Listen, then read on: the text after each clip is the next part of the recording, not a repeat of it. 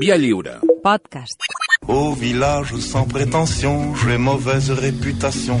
Je me démène, Ja serà reste apuntant, eh? A veure si aquest Sant Jordi... si hi ha algun tipus d'incidència o no. Amb el Santi. Jiménez i el Marco Tumultuària. Montero. Eh? Tumul- Tumultuària. Va anar molt bé l'any passat per Sant Jordi. Us ho vau passar bé? Sí. sí, ens ho passem bé sempre, eh? Mm. Va ser, va ser divertit. Sabeu si... oh, Això no se sap fins al moment, no? Eh, al costat de qui signa i tot això? No, sé que signem amb el. Rufián. Una Ah, sí, és l'única cosa que Sí? jo també... Sí, sí, Amb Gabriel Rufián? Sí, sí. Oh, Sí. boníssim. Per un selfie. no es posin a l'Ibáñez al costat, bé. per què? Perquè fa unes Perquè- cues que la reina no pot arribar. Ah, és, sí. és, és el gran humiliadador de, de, de tots els escriptors. Sí. Però jo una vegada vaig signar al costat de Belén Esteban, eh? Això sí. I em va Oi, et vas semblar... fer- Ella se'n recorda, eh? Sí, home, clar. Et vas fer amic no seu, si no? se'n recorda. Et vas fer amic seu una mica. Home, clar, mm. evidentment. Bé, els més il·lustres execrables, eh, evidentment també són el, els quioscos i per Sant Jordi estaran signant per tot arreu. Eh, te- teniu horaris i tot això? Sí, ja... eh, hi ha una compte de Twitter Va, que, perfecte. que surt tot. Doncs allà ho trobarem. Sí, tot. perquè bàsicament ens remetem, ens rematem a la compte de Twitter perquè no tenim ni idea. Quan... Exacte, exacte. Bé, avui qui? Avui qui? Avui un geni, un geni amb mal geni. Un pintor, eh, pels de l'ESO. Pintor, pintura. És el que feien abans de, de fer fotos amb el, amb el mòbil, eh? Sí, mestre del barroc, que porta la tècnica del clarobscur, encara que quan veiem els quadres diem, què clarobscur? On està el clar, si tot és obscur? Un- és una cosa molt negra. Un home que va fer eh, servir els models de gent del carrer, marginada, per pintar quadres religiosos, un, fent una crònica molt subtil de la seva època, una crònica social, grandíssim artista, que està a tots els llibres de la història de l'art, superestrella a la seva època, rockstar de, del segle XVII, però que era un dels tios més xungos que podem trobar entre els il·lustres mestres de la pintura. Busca raons, trampós, iracun, asocial, extravagant, acusat de pederasta, paranoic, traficant d'influències, i fins i tot un assassí, sí senyor, assassí, un senyor tenebrós en tots els sentits. Obrim la porta per veure la llum de Michelangelo Merisi Caravaggio, més conegut, i no és el Canavaro del, de Defensa del Madrid, Caravaggio. Ja hi som. Tan Ja hi música, som amb la música que no s'entén res. Sí, i ara he de fer l'acudit eh, Caravaggio. bueno, Ui. eh, va néixer, Caravaggio va néixer, va néixer a, a Milà i va ser aprenent d'un deixeble de Tiziano. I en acabar el seu aprenentatge va començar a viatjar fins a acabar a Roma. Tot, tot acaba a Roma, clar. Oh, bé, evidentment. Sí, sí, veus? segons el, bi- el biògraf Peter Robb, va arribar nu i extremadament necessitat. Molt curt de diners. Això de nu no sé si és metàfora. Va treballar en un taller on va pintar els seus primers quadres i ja va començar a destacar pel seu hiperrealisme. Pels de l'ESO, quan et mires al mirall ja es veu perfectament el detall del gra que tens, Ah! que tens a la cara. Ai, no. De I allò que fet, petes i surt el... Ai, per favor, prou, això és hiperrealisme. prou, prou. De fet, alguns Angúnia. dels seus primers bodegons s'han estudiat per veure què fongs tenien les hortalisses de l'època. Però en aquest temps fa alguns amics. Uns li presenten a la cimera de la societat perquè pugui ascendir i uns altres l'arrosseguen als baixos fons. On serà? Doncs potser per la foscor el nostre geni es trobava com a casa. Sí, ell va a Roma, segons, segons expliquen, eh, perquè de nen, ell, ell va néixer a Milà, com han explicat, havia matat accidentalment a un company de jocs eh, al carrer. Sí, és a dir, nen, on vas? Dic, vaig a sortir a jugar amb el Caravaggio. No! No vagis. Sí, sonaria una cosa eh, in increïble si no fos per les dades que us explicarem ara del personatge que anirem veient. Ja us dic que preferim emprenyar Hulk que Caravaggio. Vaja, si tingués Twitter seria el Lu Martín. als, als arxius policials de l'època, l'historial de Caravaggio sembla el del Vaquilla. Per entendre'ns, Caravaggio sí que era tumultuari. El 1598 ja l'arresten per portar armes sense permís. I no, no era un tallaungles, d'aquest que no deixen passar a l'aeroport. Era una senyora espassa. Hosti. Dos anys després, per colpejar un senyor amb una porra i crear relacions. I a l'any següent, per insultar un tipus i després atacar amb una espasa aquest senyor.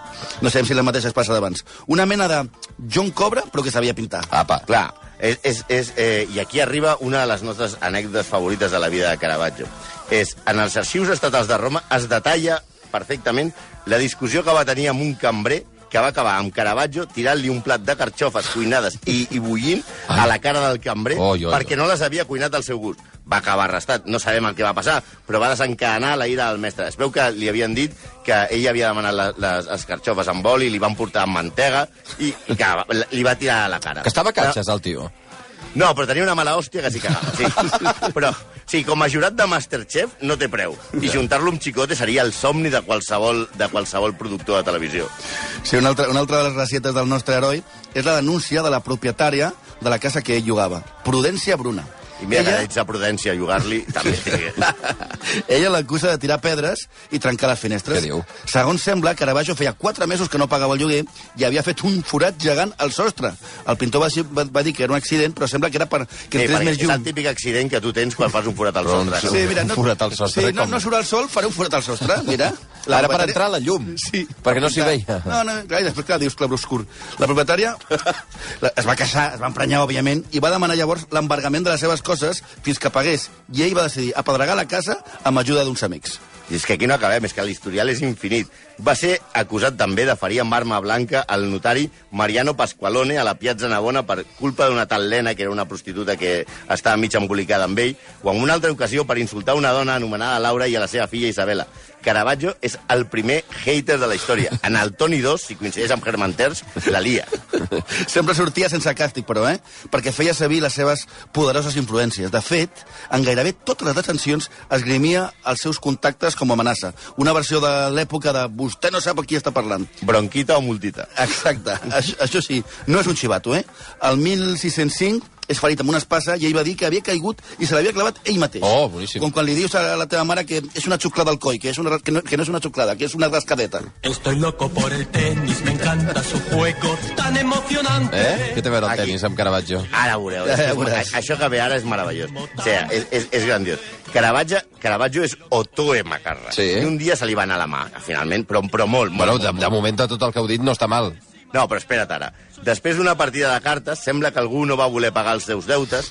No se sap qui, però perquè no ho especifiquen els registres. Però, a veure, tenint en clar el, el seu historial, segurament era ell, perquè el gran Vázquez seria un gran pagador al seu costat. És a dir, el nostre pintor eh, devia diners a uns altra gent i, i s'emprenyen perquè el denuncien. La cosa és que al final Caravaggio va anar amb dos dels seus amigotes, que tenia com una banda tipus vaquilla, i un era soldat de la Guàrdia Papal, Ui, ui. a veure el tio que l'havia denunciat eh, per, per el deute de joc. Aquests estaven jugant al tennis, una, un tennis... Mm, eh, Tenis? Un tennis primitiu. La palacorda, és un tennis eh, primitiu. El, se- el segle XVI?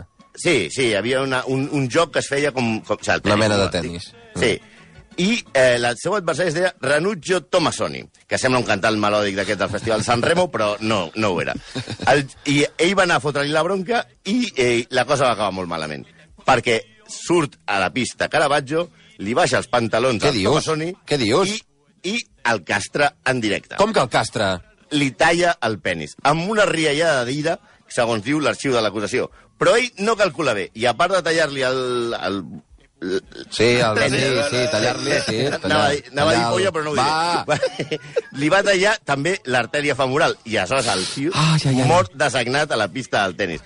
Això sí que és una rivalitat tenística i no del Federer ni Nadal. O sigui, ni, això era eh, precedent absolut de McEnroe. Però i com va acabar això?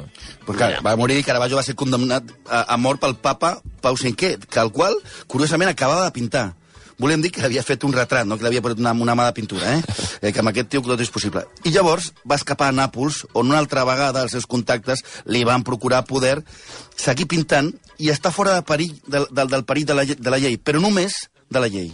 Òbviament, clar, perquè tenia tants enemics, aleshores ell es comença a obsessionar i comença a mirar sempre a les cantonades, eh, per quin carrer transita, es gira, té, comença a tenir paranoies de, de que la gent... El persegueixen. pers- clar, Clar. I, amb, I amb raó. Dorm sempre amb, amb l'espasa al llit i, i no, és, no és una metàfora, eh? O sigui, l'espasa de, de Preparada, ferro. ja. Sí, es torna paranoic perquè, clar, tota una vida cultivant l'amic, si no ets Putin, et fa molt vulnerable. I això és el que li va passar, per exemple, un dia que estava a un restaurant que és l'Hosteria del Cerriglio a Nàpols. El van assaltar i el van atacar amb tanta violència que el van donar per mort. Li van fotre una pallissa de, Ai, ai. de, però increïble. Es va salvar, però li va quedar sempre la cara desfigurada. Ara era una estrella a la pintura amb la cara de Riverí. No obstant, ell, en plan Hitchcock, es seguia autorretratant en les seves pintures, sempre sortint allò en segon pla, però posant-se la cara de, de nen guapo quan era abans. O sigui, tot, tot, tot i el seu caràcter, les seves obres tenien un èxit bestial. I, I els seus principals clients eren l'Església i ordres religioses que s'escandalitzaven quan, quan les presentava, però com ja estaven acabades, doncs no les podien tornar. Excepte una, que va fer per la Basílica de Sant Pere, que només va estar exposada dos dies. Va aguantar Sí, dos clar, dies allà. Dos dies van dir, Sí, això no la, la van posar, la va veure el papa i va dir, traieu això. Què és? Perquè és és un quadre La mort de la verge, que va Oi. suposar a l'escàndol de l'època. Representa el cadàver de la Mare de Déu amb tal realisme, o sigui, va pintar un cadàver de veritat, amb la cara inflada, el ventre inflat, i els bisbes i el papa es neguen a exhibir-lo per indecorós. I això que no sabien, això es va descobrir després, que va utilitzar com a model per pintar la verge el cadàver d'una prostituta que havia mort ofegada al riu Tíber. Ui, ui, ui. Sí, ui, amb, amb el quadre també de la Madonna i el nen va passar una cosa semblant. Un cardenal va escriure, obro cita, aquesta pintura, tot és, amb aquesta pintura tot és vulgaritat, sacrilegi i disgust. Una cosa es puc dir, és un treball fet per un pintor que no pinta bé, amb un esperit obscur i que està molt allunyat de Déu durant molt de temps i també que està mm, lluny de qualsevol cosa bona. Excepte la definició de mal pintor, en la resta ho va clavar el tio. Sí, és que la seva fama de borde superava la de pintor. Segons explica l'escriptor flamenc... Sí, és insuportable, un senyor insuportable, en general, Sí, eh? és a dir, va, va escriure el seu primer biògraf, que va coincidir amb ell, diu Caravaggio treballava intensament durant un parell de setmanes i després es feia el xuleta durant un mes o dos amb un sabre, al- el tio, una afició a les espases tremenda. Tot, tot el dia amb l'espasa al costat. Sí, com si fos Pérez Reverte passejant per la Latina. Sí, sempre a punt per barallar-se o discutir. Cada cop és més difícil portar-se bé amb ell. Home, és una manera molt suau de dir que era un assassí en potència. Señor y Víctor, Víctor, ha caído. Señor, señor, gol. Un moment. Ara que hi pinta el gol de senyor? Això de- és, és el, el requió, o sigui, posar a José Ángel de la Casa i a l'Espanya-Malta parlant de Caravaggio, això... Però què té a veure Caravaggio amb el, amb, veure amb el gol de senyor? No té res a veure, però ens ha sortit. No, no, té- sí que té a veure, perquè va decidir de marxar a, a Malta. Oh, que pillat! És que és Molt pillat, molt Oh, pillat. sí, perquè allà juguen Oh. malament, juguen malament al Oh. futbol, però se li, dona, se li dona molt bé això de muntar ordres de cavallers. Aleshores, Caravaggio pinta el gran maestre de Senyor l'ordre era un gran cavaller, també. Sí, segur. i pinten el, el, el gran mestre de l'ordre i fins i tot l'ordenen amb ell cavaller el 1608. S'ha de A- saber a que- Malta? Sí, però per entrar a l'ordre de Malta calia un any de noviciat, que això sí va fer, i complir amb una vida digna i seguir els costums rectes d'un cavaller. Això ja comencem a dubtar que... que clar, ell, el, el mateix mestre de l'ordre escriu al pontífex perquè l'indultin. Tot va bé, però el nostre home no pot deixar de ser qui és i es fica una baralla tan bestial que destrossa una casa, la destrossa la casa sencera. I l'expulsen de l'ordre i el fan persona non grata. L'expressió amb la qual l'expulsen és membrum putridum enfetidum. Hòstia. Imagina, sí, si et fan això... Sí, millor que no tornis. El, el, el biògraf, una altra biografia que s'escriu, perquè té moltes biografies aquest home, un, el biògraf Marco Bona Castellotti, des de la seva sortida a Malta, expli, explica Caravaggio sembla perseguit per una irremeiable impossibilitat d'obrar bé. I és que Caravaggio no solament era un buscarraons, se l'ha acusat, a més a més, moltes vegades de pederàstia, per la seva relació amb Francesco, conegut com Checo, un adolescent que apareix en algun dels seus quadres més polèmics. Si poseu a Google Images Amor victoriós, eh, no caldrà més que us expliqui res. També sembla que va ser amant del seu model i deixeble Mario Miniti, que apareix amb els quadres com el dels músics. Mario tenia 15 anys i la Ah, relació es va 15 interrompre... anys tiene mi amor. Tiene mi amor, i es va interrompre quan ell eh, va decidir casar-se, al, al nen, vull dir, amb Margarita. Caravaggio referia a la dona del Mario No pizza, l'afectuós qualificatiu de aquesta puta. Bueno, Ah, un cel, un cel. Sí, a veure, eh, però Caravaggio no només era homosexual, Caravaggio li agrada, li agrada tot. A més dels nois, li agradaven molt les dones. Andrew Graham Dixon, que és el que escriu el millor llibre sobre Caravaggio, dedica 10 anys a estudiar eh, la seva obra i la seva personalitat. El defineix amb una paraula que a mi m'encanta, omnisexual. Vaja, que sembla que l'única exigència que tenia per allitar-se amb algú és que fos bíped. Però, segons les dones, el que li agradaven més eren les prostitutes. Segons s'explica, quan no estava pintant, estava borratxo, barallant-se o dormint. O de putes. Era com el, na- el nen, el nan de Joc de Trons, però amb la cara del gos. Ell va, va rebotar a tot arreu on va, no? Exacte. Però llavors, mm, a Malta què? Pues, eh, a, a Malta, li, després de Malta li concedeixen l'indult i decideix de tornar a Roma. Ah, pot tornar a Roma. Clar, però Caravaggio té molt de talent, però molt poca sort. I amb una escala, una escala a Porto Hércole, eh, un guàrdia espanyol, que en aquest cas era com de la tia, eh, el confon amb un altre tipus i que se- es veu que hi havia molt, molt, molta gent la cara desfigurada, tipus Això, Ribérey. això t'anava a dir, perquè és que tenia la cara Sí, disfigurada. confondre-la sé amb algú era molt difícil. Sí. Bueno, la qüestió és que el fiquen al, al calabós i el pobre perd el vaixell a Roma. Oh, I a veure, com no, o sigui, no es podia saber, Caravaggio estava bastant perjudicadet, molt malalt. A veure, molt raro. T'emborratxes cada dia. Eh, et dones d'hòsties amb el primer que passa. Et claven una espasa. Et donen una pallissa que sembla de Sons of Anarchy. Vius en els prostíbuls. Què podia sortir malament a la seva vida? Pues sembla comprovat que tenia sífilis, tampoc Ai, és va. previsible. Ah. Però no una sífilis normal, aquesta, la típica sífilis que tots bueno, hem veure, tingut, típic, eh? típica. Tenia La una sífilis tingut premium. No ha tingut tothom. Va. Una, una En sífilis aquella premium. època tothom, si no, no eres ningú. Sí, clar. Què és aquella la sífilis premium? La seva es deia neurosífilis, que és una forma de sífilis amb efecte sobre la memòria i que, i que pot provocar deliris. El que faltava, Thor amb al·lucinacions. I a més a més tenia saturnisme. Saturnisme és una cosa increïble. És- Saturnisme? Saturnisme és una malaltia crònica produïda per la intoxicació amb la sal de plom, que, que, que, que és la que feien servir els pintors, el plom, per, per fer la, les barreges de les pintures. Era molt, molt habitual que els pintors tinguessin aquesta, aquesta malaltia. De fet, és la malaltia que també va tenir Goya o Beethoven, dos personatges que també eren el, el, el Premi Naranja a la simpatia. Es diu saturnisme perquè abans els alquimistes deien Saturn al plom. Encara sort que li van canviar el nom, si no, allò deia, et fotré una bala de plom, seria, et fotré una bala de Saturn. O que et diguessin, ets un Saturn, seria, ets un plom. No, sona millor, ets un plom. A més, Caravaggio era famós per ser poc amic de la neteja. Per això, de la malaltia ve el cas perquè el nostre execrable eh, d'avui mor. Bueno, en fi, tots moren, perquè no fem, només fem morts i perquè si estigués viu, aquest no tindria, No. no tindria mous, eh, de, Ni, de ni de broma. El tindríem a la porta, eh? Sí, sí, esperant. Però em refereixo que mor allà, a Porto Hércole. Mm -hmm. Alguns biògrafs van especulant que va matar la família de Ranuncio Tomassoni. El de la pista de tenis. El de la pista de El tenis, de la pista eh, de tenis. emasculat. El que va perdre el cervell i més coses. Sí. que era com Lorena Bobbitt, el, el senyor Bobbitt. Va. Però sembla que, que el que va ser és que va córrer rere el, el vaixell, però era tard, molt debilitat, es va estirar a la sorra, li va donar una insolació i va aparèixer mort a la platja, on, segons sembla també, els soldats espanyols que van trobar el cadàver no van dir res perquè van aprofitar per robar-li els dos quadres que portava de regal al papa Oh. com a mostra de reconciliació. Quin escàndol. No em digueu que no és irònic que el mestre del Club Obscur palmés com, com una alemanya lloret.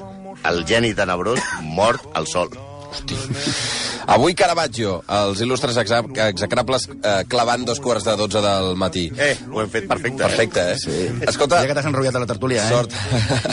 sort per Sant Jordi, eh? eh? Moltes gràcies. Signeu molt, eh? Apa, una abraçada, que vagi bé. Vinga. viendra me voir pendu, sauf les aveugles, bien entendu.